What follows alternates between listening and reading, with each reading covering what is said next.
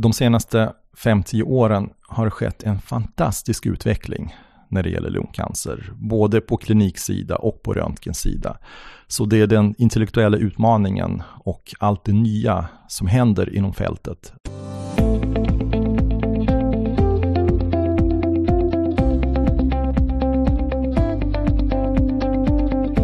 Du lyssnar nu på Lungcancerpodden.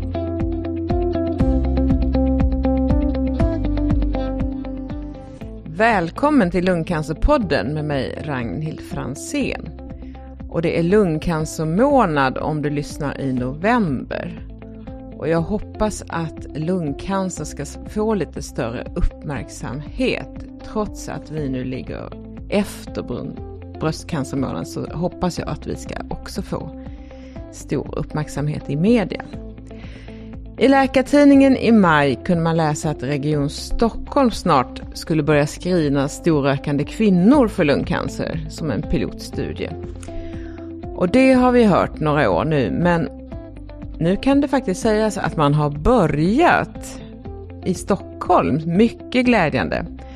Och målet är att visa att det går att genomföra lungcancerscreening i riskgrupper. Och det ska sedan bana väg för ett nationellt införande. Och så fick jag höra häromdagen att man faktiskt börjar på flera ställen i landet samtidigt. Så det plötsligt händer det. Och jag har bjudit in Vitali Grossman som är thoraxradiolog och även överläkare vid Karolinska sjukhuset för att berätta om projekten. Välkommen hit Vitali! Tack!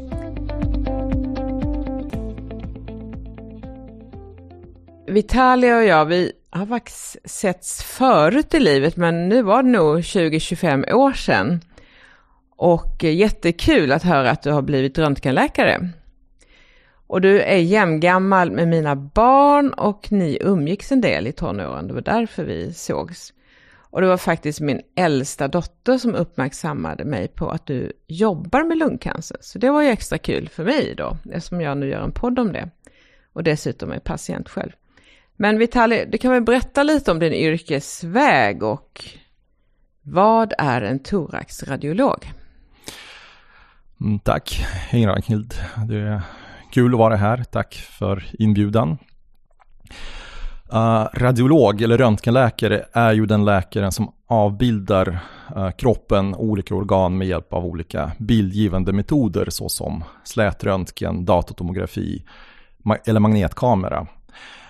Och eh, då kan man eh, använda de här bilderna på lite olika sätt. Dels för diagnostik eh, genom att beskriva direkta eller indirekta tecken till olika sjukdomar och det kallas diagnostisk radiologi. Och sedan kan man också använda de bilderna för att navigera olika kirurgiska verktyg och det kallas interventionell radiologi. Thoraxradiologi är en typ av radiologi som sysslar med sjukdomar som utgår från thorax, det vill säga bröstkorgen, hjärta och lungorna.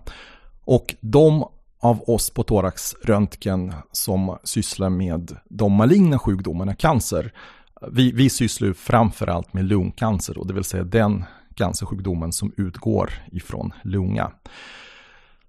Och uh, hur jag blev thoraxradiolog. Uh, jag ville alltid hålla på med interventionell radiologi. Så jag, Vad är det? ja, det, det, det är när man använder röntgenbilden för att operera, för att navigera mm. uh, kirurgiska verktyg. Och de ingrepp man gör, det, det är alltså minimiinvasiva. Det är väl små, smala verktyg som tunna katetrar eller nålar eller andra väldigt smala verktyg. Så det är olika minimiinvasiva procedurer. När man opererar eller när man röntgar? Ja, så man, man gör ingrepp uh, och uh, till exempel sätter in olika saker i kroppen eller tar uh, vävnadsprover från olika organ. Och man navigerar sin nål uh, med till exempel datortomografi eller ultraljud som man opererar och röntgar samtidigt. Det är det jag mm. ville hålla på med under läkarlinjen. Mm. Så det var därför jag började med röntgen från början. Och vad som hände sen är att jag började forska om strålterapi. För att kunna lära mig något annat utöver ren röntgen. Jag ville hålla på med lite behandling också, inte mm. bara diagnostik. Och när jag under min SD randade mig på thorax, då hände något väldigt spännande. Då upptäckte jag att många lungcancerpatienter får strålterapi. Och det är ofta svårt för röntgenläkare att skilja mellan en inflammation som är inducerad av strålning och cancerprogress. Så jag upptäckte att det är ett väldigt, väldigt vanligt kliniskt att problem. Att det ser nästan likadant ut. Att, att, de ser, att de kan påminna om varandra väldigt, väldigt mycket. Och att många patienter får fel diagnos på grund av det. Alltså många tror att det är progress. Alltså ofta mm. tror man att det är progress när det mm. bara är helt normal inflammation efter given strålbehandling. Okay. Så jag upptäckte det en perfekt nisch för mig. Mm. Jag, jag, jag förstod att jag kan hjälpa väldigt många patienter genom mina kunskaper som jag har från strålterapi kombinerade då med det jag har lärt mig på thoraxradiologiska kliniken. Så det var ett fynd som du upptäckte, eller? Exakt. Jag såg en jättebra nisch och jättebra chans för mig. Ja. Och då har jag stannat kvar på thoraxröntgen och börjat jobba med lungcancer. Intressant. Men du har även jobbat kliniskt med patienter och opererat och... Uh, jag har uh, innan min AT jobbat på uh, onkologkliniken, så jag har ett intresse för cancer generellt. Och jag har även jobbat och fortfarande jobbar ganska mycket med interventionell radiologi. vi på thoraxröntgen genomförs diagnostiska ingrepp, alltså biopsier mm. av lungor. och vi är tre radiologer som utför de ingreppen mm. och jag, jag, är en av de tre. Okay. Men varför är egentligen kroppen uppdelad i olika bitar när man ska röntga? Så man tar huvudet för sig och thorax för sig. Man tycker man kunde bara köra sig in hela kroppen. Det kan man. Tekniskt går det, ja. men det blir sämre bilder då. Uh, utan att bli väldigt tekniskt så ska jag väl säga att uh, field of view som man ställer in ska vara ungefär lika stort som organet. Mm -hmm. Så då då, det, då blir det bättre bilder. Så då, e- eftersom huvudet och bålen är olika stora, ja. då vill man ställa in separat för huvudet för och separat för bålen. Skärpa och, exakt, ja. exakt, precis. Okay, så det, det är mer en teknisk bit. Exakt. Ja. Men eh, hur går det till vid en datortomografi eller CT? Är det samma? DT och CT? Det är samma sak. Det är samma sak, computer tomografi. Det är engelska och svenska. Ja. Efter man då legat i den här trumman, vad händer sen? Vem tar hand om bilderna och hur görs bedömningen? Just det.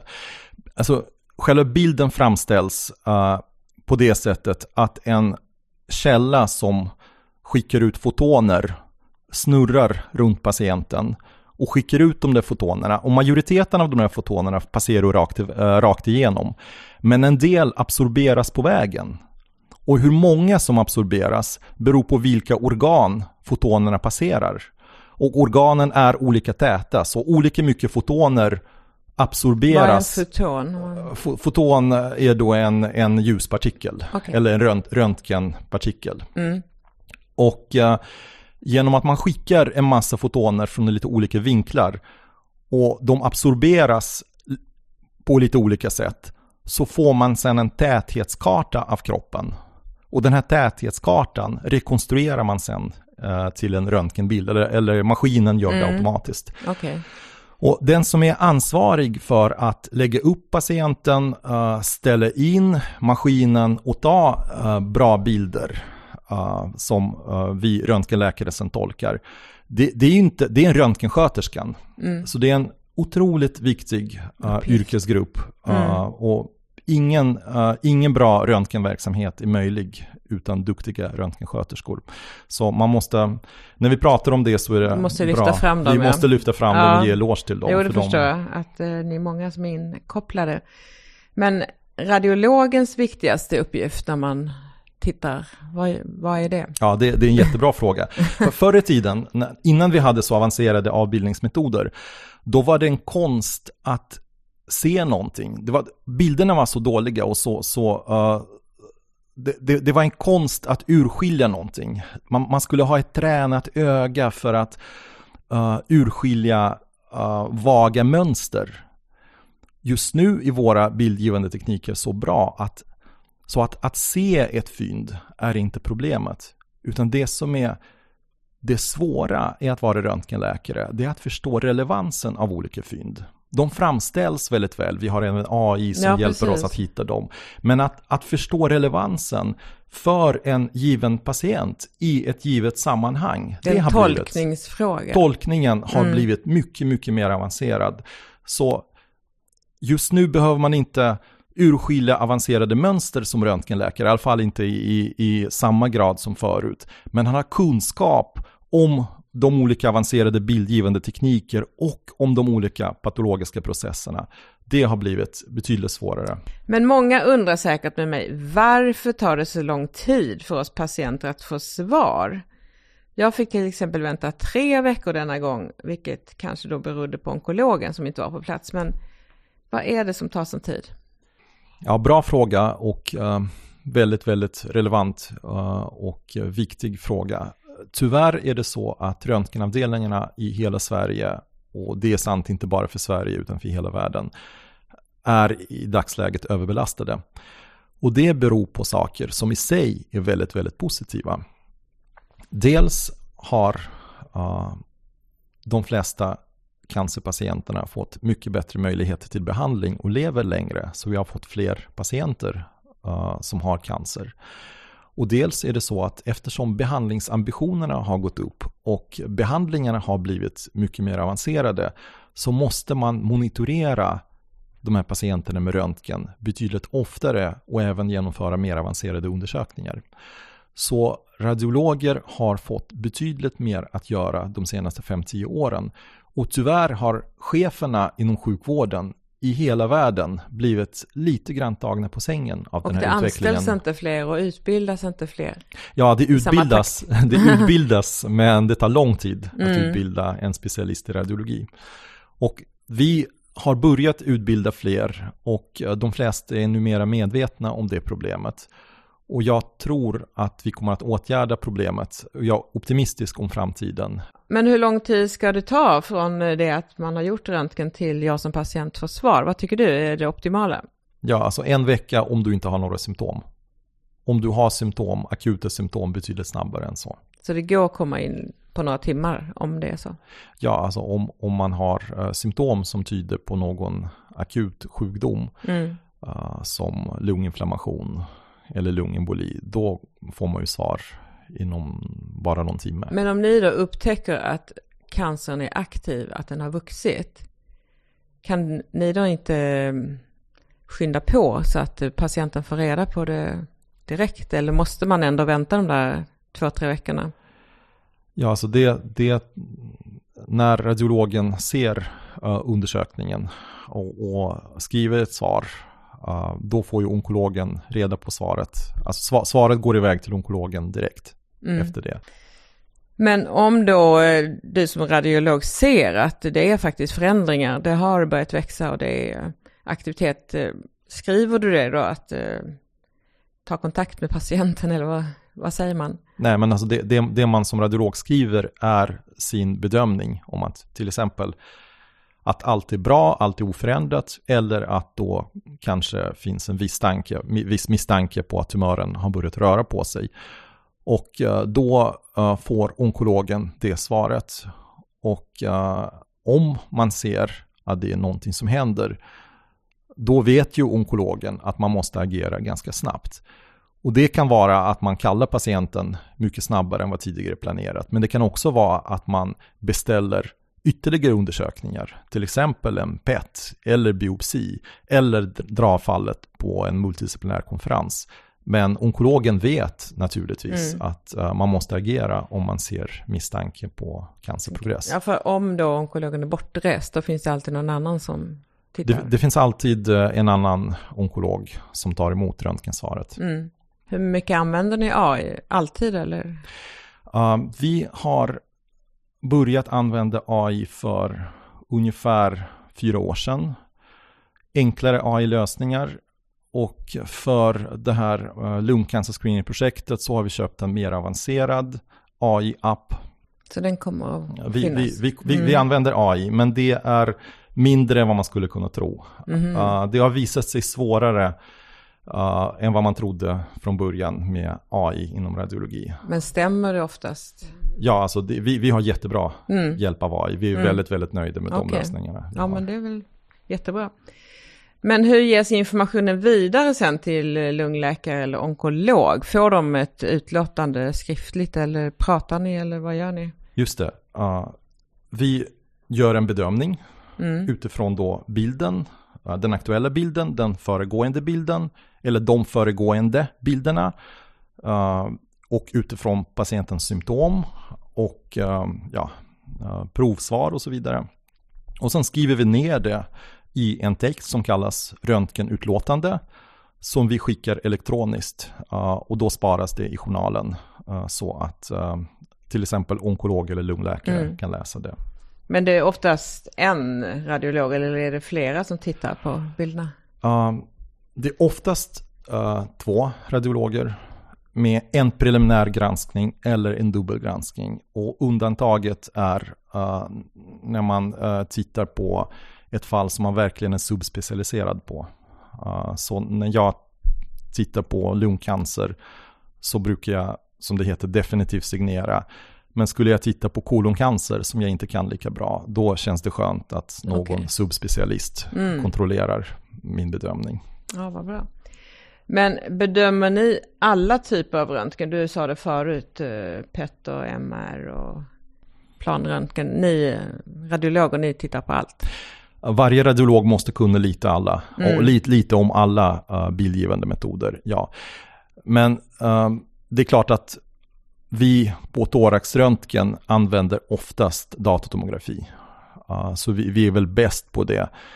Men många patienter undersöks ju med flera olika metoder, både DT och PET och MR. Mm. Och i och med att vi måste titta på gamla undersökningar för att Just jämföra det. med så måste vi kunna lite grann om de andra. Mm. Men alla kan inte vara lika bra på allt och ibland måste vi fråga våra kollegor mm. som är till exempel... Det är ett lagarbete ja. helt enkelt.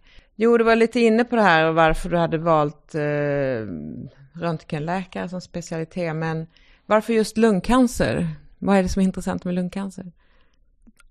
De senaste 5-10 åren har det skett en fantastisk utveckling när det gäller lungcancer, både på kliniksida och på röntgensida. Så det är den intellektuella utmaningen och allt det nya som händer inom fältet som är så kul att få jobba med. Till exempel eh, måste man som, om man är eh, röntgenläkare som jobbar med lungcancer, räcker det inte att bara tänka som röntgenläkare, utan man måste också kunna lite grann om tumörbiologi, tumörgenetik. Man måste förstå de kirurgiska och strålterapeutiska teknikerna. Ah, man måste vara lite insatt i de nya behandlingarna som ges patienterna, såsom immunterapi till exempel. Och man måste lite grann tänka som en onkolog. Man måste förstå, okej, okay, vad är nästa steg för den här patienten? Vilken information ska jag lyfta fram för onkologen? Vad är det som är relevant för just den här patienten i det här givna sammanhanget? Så ni tänker även lite behandling, vad kan det här leda till för behandling? Ja, det måste vi göra mm. numera. Mm. För att den kliniska komplexiteten har ökat så mycket. Att, uh, det, det, är ett avancerat lagarbete som vi är en ja, väldigt viktig del av. Men det låter som du trivs med det. Det är ett roligt område. Absolut, det är det, det, är det roligaste man kan göra ja. tycker jag. Eh, hur många radiologer finns det i Sverige då? Jag har inte exakt koll, men röntgen är en stor specialitet. Det måste finnas åtminstone 3-4 tusen radiologer. Mm. Av, uh, jag tror att det är 40-50 000 läkare i Sverige. Okay. Och, um, en, en, en, en ganska stor grupp. del av dem är radiologer. Ja. Och vi var lite inne på vad en skicklig eh, radiolog kan upptäcka som inte en allmän kan se. Har du några ja, exempel? Alltså, ja, det, det är svårt att vara allmän radiolog, därför då måste man kunna allt om allt. Ah, ja, okay. Och det, på, på ett sätt är det lättare att vara så subspecialiserad uh, som jag är. Men uh, det är klart att uh, väldigt stor del av den kunskapen som vi tillämpar varje dag är väldigt, väldigt ny. Så vi, vissa saker har vi bara lärt oss de senaste tre månaderna okay. som, som, vi tycker är väldigt ja. viktiga. Så det, det, går inte att ha koll på allt detta Nej. som en uh, allmän radiolog. Och um, ja, alltså det, det är ju till exempel det här att är, är det här cancerprogress eller en helt normal bild efter given terapi? Det här är en väldigt, väldigt vanlig frågeställning. Men nu ska vi gå in på det här projektet som alltså har startat här på Karolinska Universitetssjukhuset. Det är vi befinner oss här på sjukhuset, så vi är mitt i händelsernas centrum. Och ni ska skanna lungorna hos tusen storrökande kvinnor med datortomografi under de närmsta två åren då för att fånga upp lungcancer på ett tidigare stadium. Och du är en av de ansvariga, men hur kan ni räkna ut hur många det ska bli? Hur många kvinnor Som ni ska, ska scanna. scanna. Eller sätter ni stopp då efter tusen? Ja, vi sätter stopp efter tusen. Ja. projektet är planerat uh, så att det ska vara exakt tusen. Men hur kom det sig att du blev ansvarig för det här projektet då med screeningen? Uh, ja, jag jobbar ju som radiolog uh, på thoraxröntgen, då en klinik som ansvarar för lungcancer. Och jag har sedan flera år jobbat med lungcancer från lite olika ingångspunkter. Uh, dels så forskar jag och jobbar med strålterapi av lungcancer. Uh, jag är en av de uh, thoraxradiologer som tar biopsier av lungcancer. jag ehm, håller på att både kliniskt och forskningsmässigt jobba med AI av lungcancer. Och jag är även uh, den uh, på thoraxröntgen som är mest intresserad av de uh, moderna terapierna för lungcancer, såsom till exempel immunterapi. Så jag har liksom jobbat med lungcancer i flera år från alla möjliga håll. Och nu, nu är det bara det som har fattats, tidig diagnostik. Så nu, jag, jag är jätteglad att få jobba med lungcancer också från det perspektivet. Ja, men det låter ju som du är väl förberedd och har kunskaper så det räcker. Ja, det är i alla fall ett pilotprojekt då som ni kör i samverkan med RCC Stockholm Gotland. Och det är kvinnor som besöker mammografi på Södersjukhuset som då kommer att få ett brev med frågor om rökvanor och ett erbjudande om att delta i studien. Men man gör det inte direkt på mammografin som jag tänkte, det är väl smart när de ändå är där. Varför mm. gör man inte det? Det var planerat så från början. Okay. Att de skulle göra en DT på mammografi på Södersjukhuset eftersom det också är en röntgenavdelning. Men alla uh, lungcancerpatienter går på ett eller annat sätt på Karolinska. Så intresset, kompetensen och resurserna finns här. Så man har till slut landat i att man använder patientgruppen på mammografi SÖS som ett underlag. Men att själva studien utförs på Karolinska. Så det är här ni ska jobba då? Men man tänker att man kanske missar de som inte kommer till eh, mammografin? Ja, i och med att uh, målet med det här projektet är egentligen inte att uh, screena hela gruppen, uh, utan att bara få ihop 1000 individer. Okej, okay. så det spelar inte så stor roll vilka? Inte i nuläget, Nej. men det, det, är klart att i senare skeden när vi kör ut bred cancerscreening, då kommer den här frågan vara väldigt, väldigt viktig. Hur gör vi för att inte missa några Nej, patienter i riskgruppen? Men nu är det en riskgrupp då, storrökare, men vad är egentligen en riskgrupp för lungcancer? Ja, alltså det här är en av de svåraste och viktigaste frågorna i sammanhanget. Därför att vi vet att rökning, aktiv rökning är en riskfaktor, men det finns också andra riskfaktorer, till exempel passiv rökning, asbest, eh, i viss mån förmodligen genetik, var man bor och så vidare. Så det finns många riskfaktorer.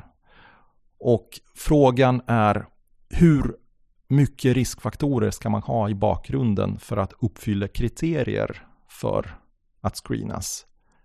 Den... Räcker det med att man eh, röker mycket nu eller går man tillbaka och kollar hur länge de har rökt? Eh, både och. För den här studien har man valt ett kriterium om 15 paketår.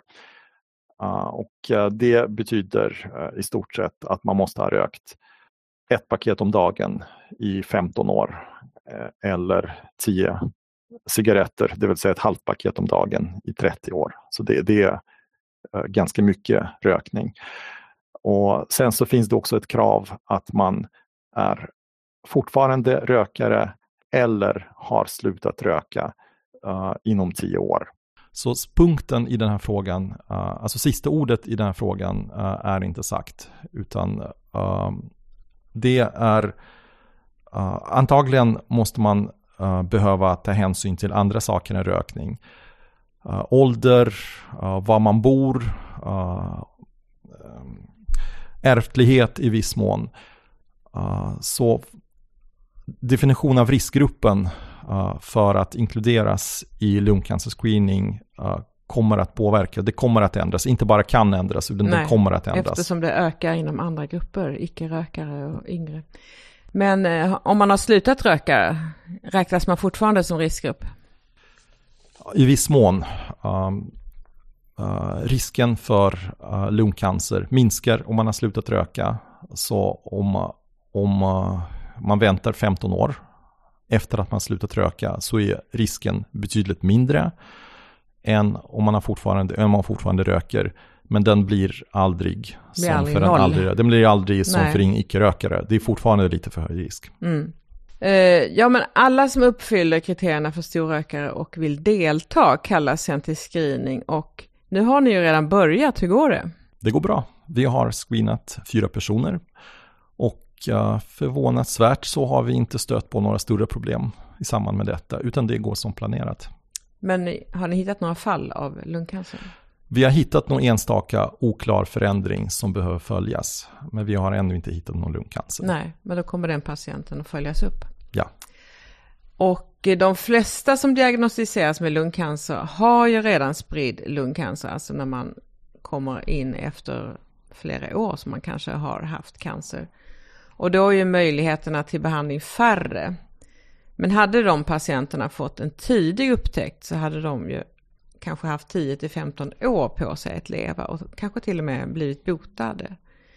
Men om man då säger en storrökare som har rökt hela sitt liv, finns det chans till tidig upptäckt? Absolut. Um, det är så här att lungcancer är väldigt intressant på det sättet att uh, i, i de flesta fall så är den väldigt, väldigt långsamväxande i början och uh, inte, så, inte så elakartad helt enkelt. I, I många fall så tar det 5 till 10 år och ibland uh, så mycket som uppåt 15-20 år för den att börja växa, att bli riktigt, riktigt elakartad.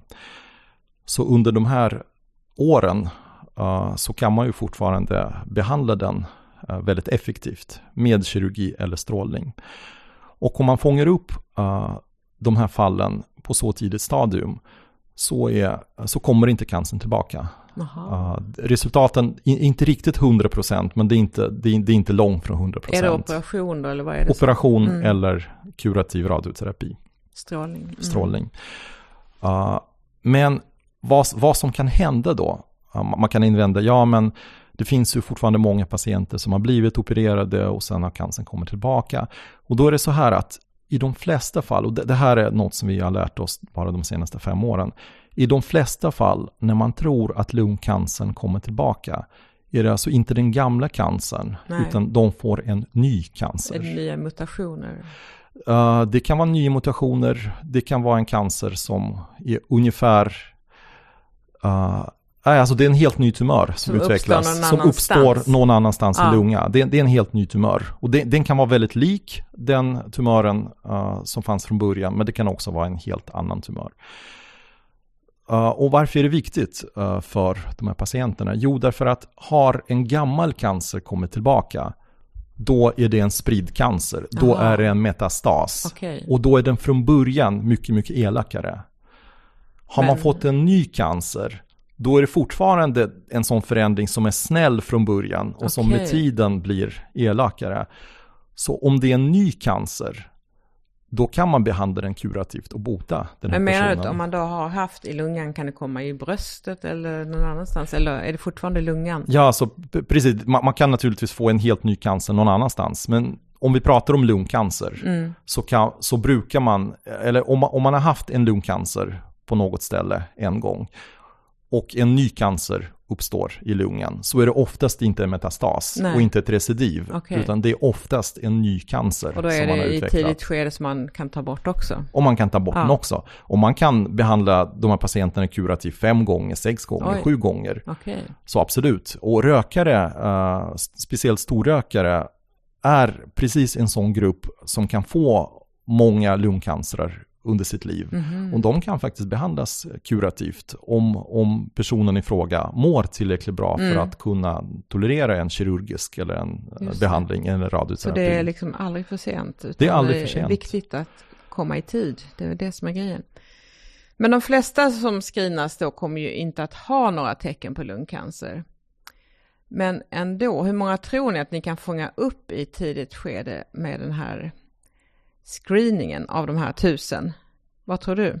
Alltså tidig, tidiga, eh, tidigare gjorda studier eh, indikerar att uh, ungefär 1% av dem kommer att ha lungcancer. Så det blir Ja, vi, vi kommer hitta 10 stycken. tio stycken. Sen så kommer vi förmodligen hitta betydligt fler oklara lungförändringar som vi kommer behöva följa och till slut frikänna. Men eh, riktiga cancrar som behöver biopsi och till slut operation, det utifrån vad vi vet eh, om den här gruppen från andra studier så är det 10 stycken, Mm. 1%. Men det är tio stycken som kan räddas. Och av alla storrökare så är det 10 procent ungefär som får lungcancer. Så alla storrökare får ju inte cancer heller. Alla storrökare får inte cancer därför att uh, utveckling av cancer är en oerhört komplex process. Uh, och kroppen har väldigt många skyddsmekanismer för att Mm. övervinna uh, cancer. Både uh, på, gene på, på genetisk nivå, alltså man kan, man kan skydda sig, kroppen har sätt att skydda sig mot de genskador som uppstår av rökning. Och även när en sån förändring som kan bli cancer börjar växa så kan kroppen ta bort den själv med hjälp av immunsystemet och så vidare. Ja, det är otroligt. Men vem ska utföra screeningarna och vem ska bedöma bilderna? Du kan ju inte göra allt själv antar jag. Vi är två röntgenläkare som kommer att göra det i det här skedet. Och eh, sen kommer det vara vanlig personal som sköter. Det är våra röntgensköterskor Ja. som kommer att jobba kvällstid. eh, Okej, och så det är liksom på övertid. Men kommer du jobba heltid med det här eller? Nej, det, det, är, det är övertid också på, Mm. på kvällstid ja, efter det jobbet. tufft. Men det, det är bara tusen undersökningar. Vi, Ja. vi, vi tror inte att det kommer bli så belastande i Okej. det här läget. Eh, Vi tror inte det. Dä- Däremot eh, när lungcancerscreening rullas ut och många tusen personer undersöks, Mm. då krävs det naturligtvis helt annan kapacitet. Men för en gångs skull är det ju kvinnor som eh, favoriseras i den här studien eller piloten. Och det är ju verkligen på tiden kan jag säga. Men är det för att det blir fler och fler kvinnor som får lungcancer som ni har valt ut kvinnor som projektgrupp?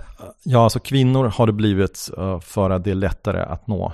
eh, en grupp som redan nu har kontakt med sjukvården via mammografi. Så man kan säga att det är en slump att det Okej. blivit kvinnor. Men å andra sidan så vet man att lungcancer ökar mer bland kvinnor än bland män. Och dessutom är det nog så att lungcancerscreening gynnar kvinnor lite mer än vad det gynnar män.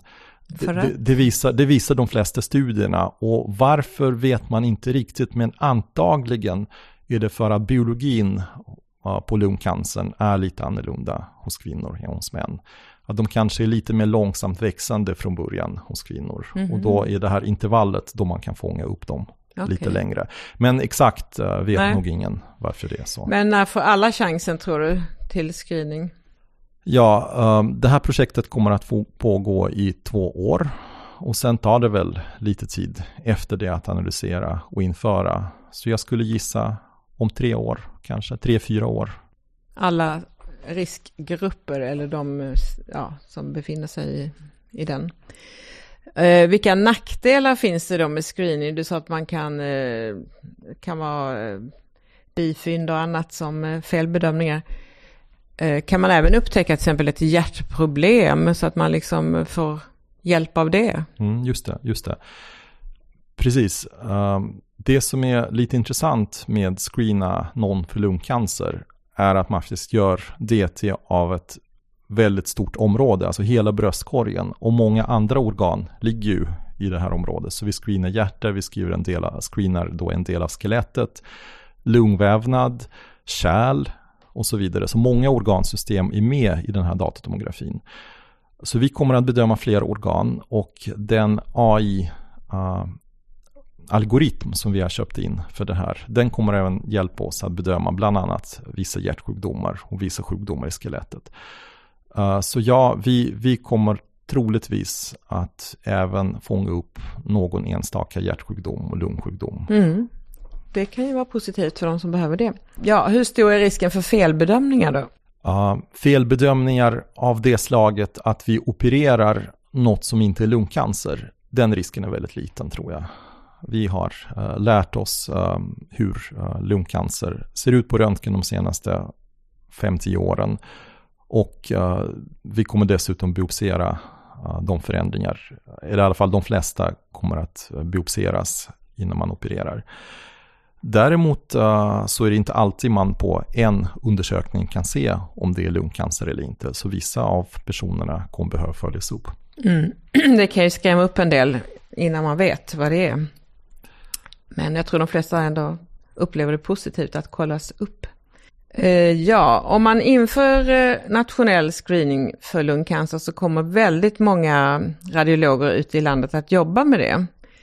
Men kan man överlåta det till en allmän radiolog eller krävs det specialutbildning? Ja, så man kommer att överlåta det till allmänradiologer. Det, det, det kommer man att göra och det tror jag kommer gå jättebra. Men uh, det är några saker som man behöver fundera på innan man rullar ut det, uh, uh, det här programmet i hela landet.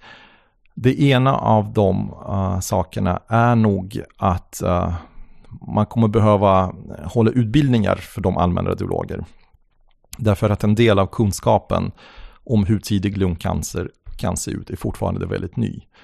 Um, vi har lärt oss vissa saker bara det senaste halvåret. Så alla har in, ännu inte haft chansen att lära sig det. Och det, det är vårt ansvar. Men det kommer vi, vi måste ni att utbilda på något sätt? Absolut, det, ja. det, måste, det är vårt ansvar och det kommer vi att göra. Ja. En annan sak är att uh, när man rullar ut uh, det här programmet nationellt så måste ju uh, alla små sjukhus, medelstora sjukhus, små privata mottagningar göra på samma sätt. Och om forskningen visar att till exempel vissa grupper behöver screenas, ja, inte vartannat år utan vart fjärde år, då måste ju alla ändra sina sätt att göra det på mm. samtidigt. Och det måste man tänka på när man så att säga skriver avtal med Region. uh, regionerna och uh, ja, avtal mellan regionerna och små privata enheter mm. och så vidare. Att det måste bli nationell riktlinje för ja, ja, precis. hur det ska gå till. Och sen det tredje är att uh, man kommer behöva forska väldigt intensivt på de här grupperna för att hitta smartare sätt att screena för lungcancer i framtiden. Väldigt mycket forskning behövs. Och alla röntgenenheter som deltar i lungcancerscreening kommer att behöva även delta i forskningsinfrastrukturen. För att se viktigt. hur eh, man kan upptäcka? För att se hur man kan upptäcka, för att se uh, hur man kan optimera undersökningen, uh, kombinera den med andra typer av undersökningar. Um, hur man kan bättre undersöka andra organ. Uh, om man behöver uh, sänka stråldosen ytterligare och så vidare och så vidare. Men då kombinerar ni det med liksom blodanalyser till exempel? Eller? Vi, vi gör inte det i nuläget. Nej. Men man, uh, för att kunna screena så många personer som möjligt till så låg kostnad som möjligt och uh, för att uh, göra det så uh, lätt för människor att delta, så lätt som möjligt för människor att delta i de här screeningprogrammet, kommer man i framtiden att behöva kombinera uh, skiktröntgen, alltså datatomografi, okay. med andra analyser, med bland annat biomarkörer i blodet. Mm. Men en utmaning då efter att uh, leta, leta efter dessa tidiga tecken är att det, som jag varit inne på, finns många olika förändringar i lungor som inte är cancer, utan det kan vara spår av infektioner och inflammationer och annat. Kan du beskriva hur en tidig lungcancer ser ut? Utan att kunna visa en bild. Mm, exakt. Alltså en klassisk lungcancer av den vanligaste typen är en väldigt liten gles förändring i början. Är det som ett uh, vitt område? Eller ett det... vitaktigt uh, område, uh, nästan genomskinligt, väldigt gles. och många av dem kan knappt synas på CT i många, många år. som sagt, den, den kan förbli en gles förändring 10-15 år. Och vad som händer sen då att långsamt, långsamt så börjar den här glesa förändringen dels växa och dels utvecklar den en tät förändring centralt. Och det är den här täta förändringen som innehåller riktiga cancerceller. Det är då det börjar bli allvar. Det, det, är då, det är då det börjar bli en riktig cancer. Och sen kan den här förändringen fortfarande vara väldigt, väldigt långsamt växande. Och fortfarande eh, kan det ta flera år för den att liksom bilda metastaser och så. Men det som händer sen är att både den här täta förändringen, täta kärnan och den glesa förändringen, att de, de växer var för sig. Okay. Och då, då är det uh, radiologiskt väldigt, väldigt typiskt uh, utseende för lungcancer. Men hur gör man då? Kan man ta bort det där tidigt eller väntar man till det är mer förtätat? Oftast om det är en väldigt liten och gles förändring uh, vill vi åtminstone se att den växer lite grann. Därför att vi vill inte operera de, de personerna som kanske har en förändring som kommer att vara stationär i 30 år och de, de kommer aldrig märka det och kanske leva till 95 år och ha den här förändringen. Vi vill inte operera sådana personer.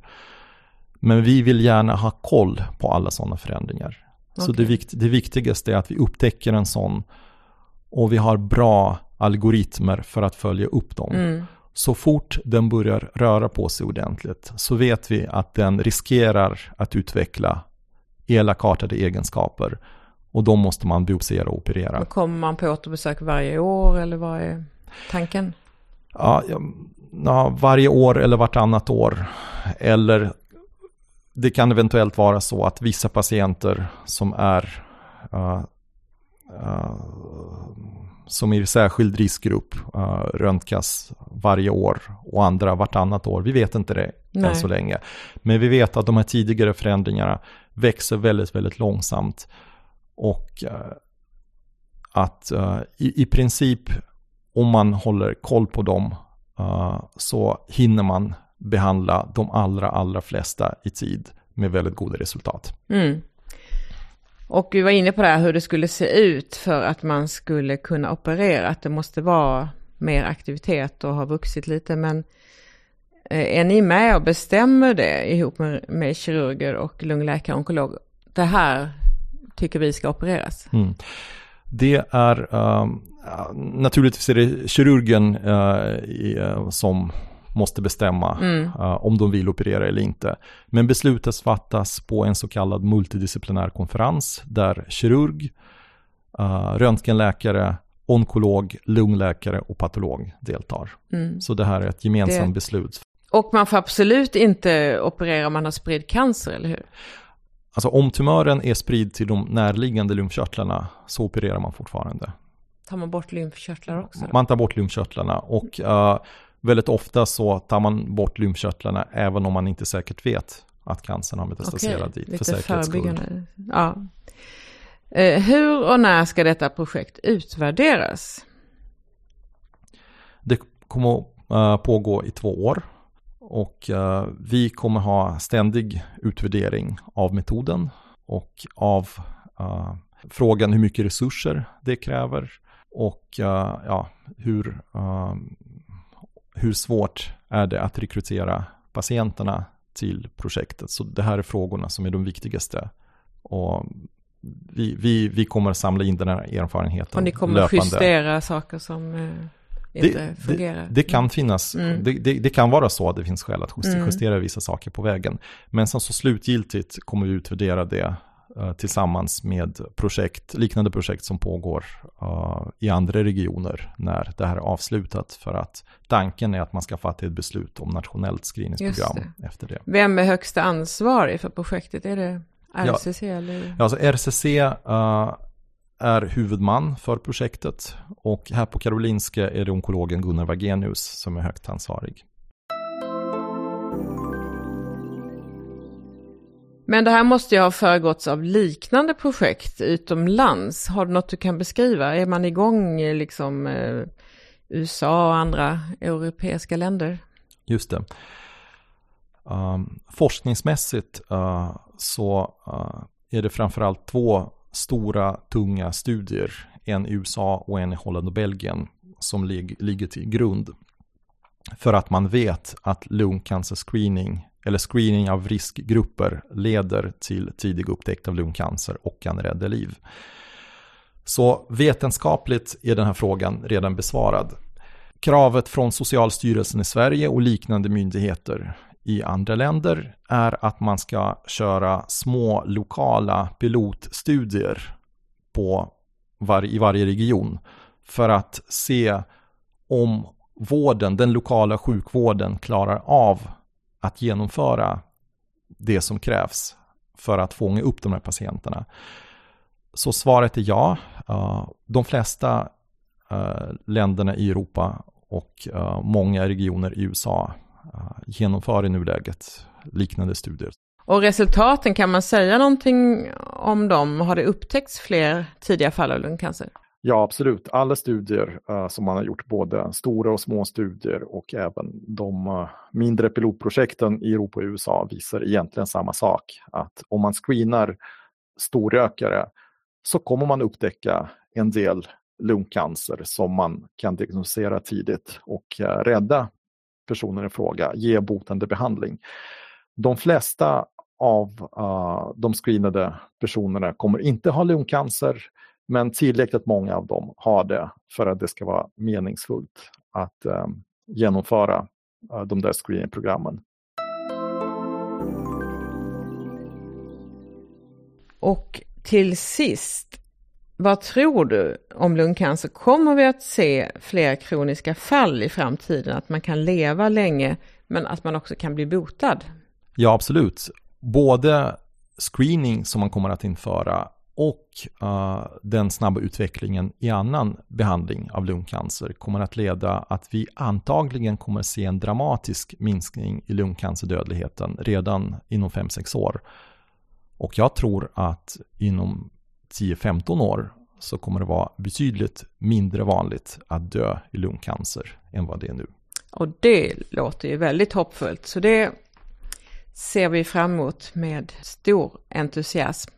Så stort tack till dig Vitali för att du har berättat om projektet med lungcancerscreening och dessutom förklarat lite mer vad en röntgenläkare är. Och tack också till dig som lyssnat och dela gärna på dina sociala medier så fler kan lyssna. Och du kan också prenumerera på podden i din podcaster och gilla sidan på vår Facebook-sida Lungcancerpodden. Och tack till Taylor för inspelning och klipp även denna gång.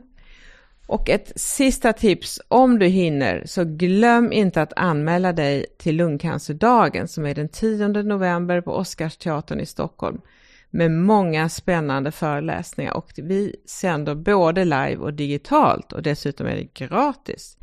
Så gå in på lungcancerföreningen.se och anmäl er idag. Hej då Vitali! Tack och hej då! Och hej då allihopa!